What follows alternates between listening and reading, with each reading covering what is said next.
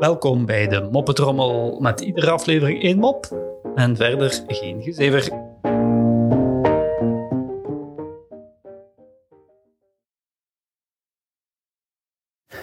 Ik heb ooit een date eh, gehad met een tweeling. Uh, achteraf vroeg iedereen me dan altijd hoe ik ze uit elkaar wist te houden.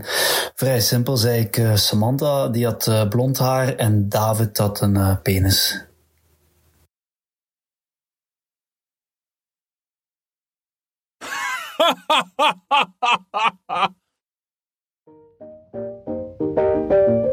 Zo, dat was de moppetrommel voor vandaag. En tot morgen.